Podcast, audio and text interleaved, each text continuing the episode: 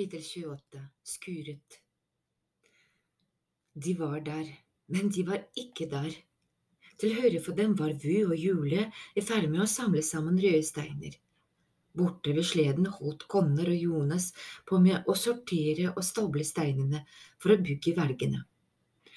Arle og Indra kunne se leppene deres bevege seg, men klarte ikke å oppfatte hva de sa. Hvorfor hører vi dem ikke? spurte Indra.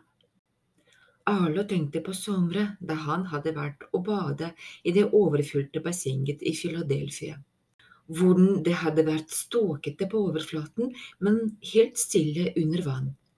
Jeg tror det er som om vi er under vann. Indre nikket. Det var akkurat sånn det kjentes. Selv lufta virket tykkere og bøyde, lyset så det flimret. Hendene hennes tindret som om de var dyppet i glitter. Hun pekte på tauet på bakken, der knoten lyste sterkt. Bør vi ta den med oss, i tilfelle vi trenger den igjen? Arlo bøyde seg for å plukke det opp, men fingrene gikk rett gjennom tauet. Forvirret prøvde han å ta på sleden, hånda gled rett gjennom rammen. Den fortryllete renneknoten hadde ikke bare gjort dem usynlige, men også uhåndgripelige. De kunne verken ta på noe eller bli tatt på. Det minste falt ikke gjennom jorda til klodens indre, så det var da noe.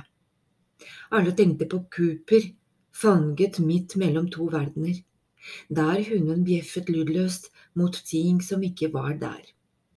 Kanskje døden var som en renneknote som ikke lot seg løse opp. Den tanken satte et gis gjennom ham bortsett fra at hvert fortrinn var lydløst. Ettersom de nærmet seg furua, kunne Arlo og Indre se hver og en av barnålene brenne. De lyste rødt og deretter hvitt, før de kveilet seg sammen og løste seg opp til aske. Indre prøvde å fange et askeflak i lufta, men det drev tvers gjennom hånda hennes. Skuret befant seg rett framfor dem. Det lå midt i en elveleie, der en liten bekk av smeltevann rant over steinene. Øyenstikkere smatt fra dem til dam. Dyreknokler og kadavre lå strødd blant de glatte steinene, som rester etter et måltid. Indre pekte mot døra. Den svingte lett fram og tilbake, som om den nettopp var blitt åpnet. Men det kunne også ha vært bare vinden. De nærmet seg forsiktig.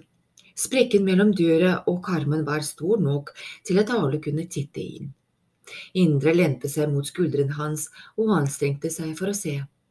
Skuret besto av et enkelt rom med jordgulv. Ingen vinduer, ingen ordentlige møbler, bare en skitten madrass som det stakk høyt ut av. En kraftig kjele hang over asken etter et bål.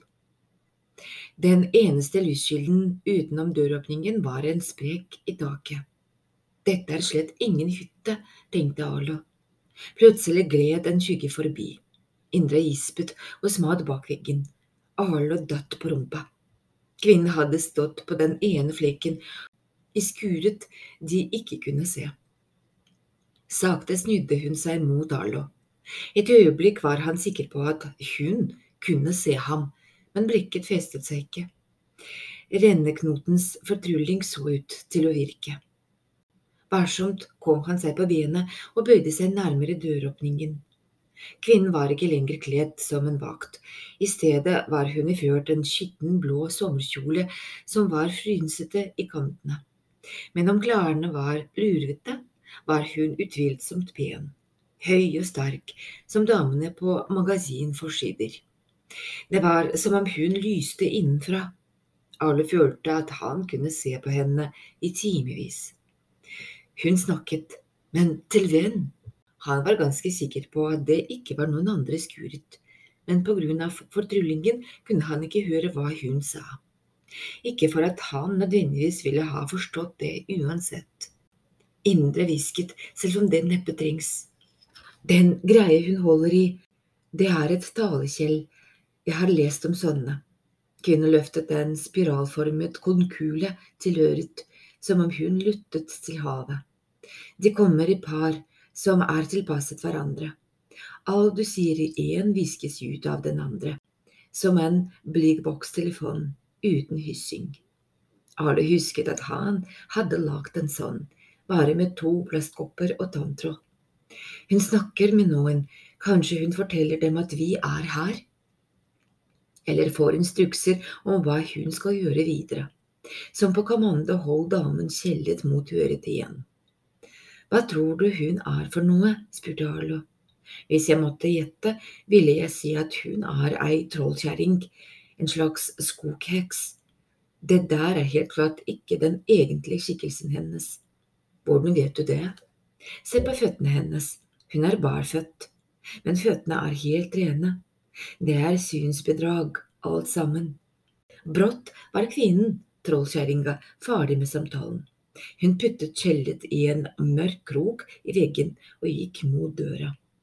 Arle og Indre trakk seg unna så hun ikke skulle gå tvers gjennom dem.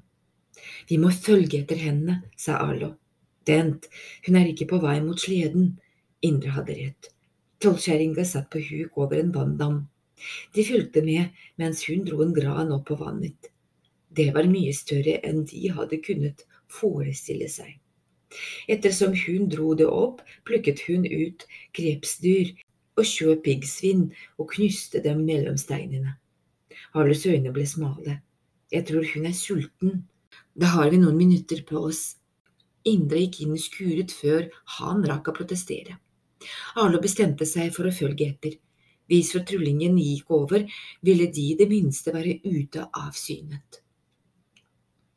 Den delen av skuret de ikke hadde sett, var den mest interessante.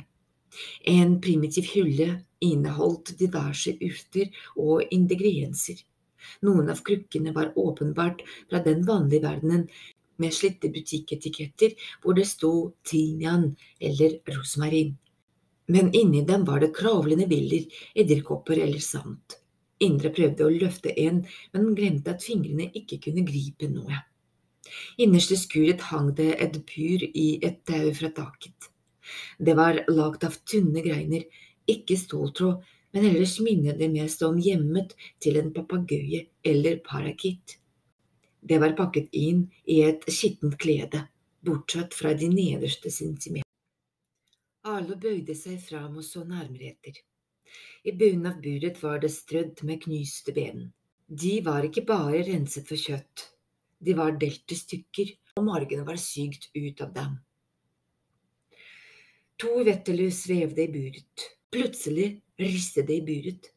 Det svingte i tauet og begynte å snudde rundt. Arlo rugget unna idet gledet falt av buret. Nå var skuret klart opplyst. Tovettelus svevde i buret. De kastet seg mot trespinklene og prøvde rasende å få fatt i Arlo. Panikken vendte tilbake, og hjertet banket helt opp i strupen. De kan ikke se oss, vi er jo usynlige. Indre gikk forsiktig mot buret. Hun strøk hånda langs den borteste siden. Vettelysene brydde seg overhodet ikke om henne. Jeg tror egentlig ikke de kan se oss, men de fornemmer at du er her. Det er som om de er opplært til å finne deg. Arlo kastet et blikk ut av døra. Trollkjerringa satt fortsatt på huk over vanndammen og rotet i garnet. Enda så rabiate hvetelysene var, lagde de visst ikke noe bråk til å fange oppmerksomheten hennes. Det var hun som sendte dem, den natte skogen var det meg de lette etter. Jeg tror nok det, Indre så rundt. Vi må lete videre, kanskje det er… Hun bråstanset, forvirret. Begge følte det på seg. Noe var i ferd med å skje. Hvis renneknoten var som å vare under vann, var dette som å stige opp til overflaten. Med ett hørbart sus ble fortrullingen brutt. De merket at de ble skjøvet tilbake til den vanlige verdenen, eller i alle fall til langskogenes uvanlige verden. Huden deres flimret ikke lenger, de var synlige igjen. Litt åndtåket tok Carlo seg bort til bort til døra for å se etter tollkjerringa. Hun er der fremdeles. Vi fortsetter å lete, kanskje vi finner noe nyttig. I skinnet fra vettelysene var det tydelig det hadde samme farge som sennep, selv før han bredte det ut, skjønte han hva det var. onkelens halstørkle. Han kjente igjen den strøknete blodflekken. Indre tok det fra ham. Hun så forvirret på emblemet. Det kommer fra Pine Mountain-troppen. Det tilhører onkelen min. Han lånte meg det. Jeg hadde det med på det første møtet, men så fant jeg det ikke siden. Jeg mistet det ikke, tenkte Arlo, noen stjal det. Men det er umulig, sa Indra, vi har aldri hatt noen gul patrulje. Det hadde ikke Arlo noen forklaring på, han sa at det var hans. På impuls holdt indre halstørkleet mot buret. Straks ble vetteløssene helt stille, desperate etter å få fatt i det. De er som blodhunder, sa hun, de går etter lukta, eller noe lignende en lukt. Det var sånn de fornemmer deg, selv om de ikke kunne se deg. Hun rakte ham tørkleet igjen, han var i ferd med å putte det i uniformslomma da drønn, et tordenbrak, Arlo så ut igjen, trollkjerringa var borte.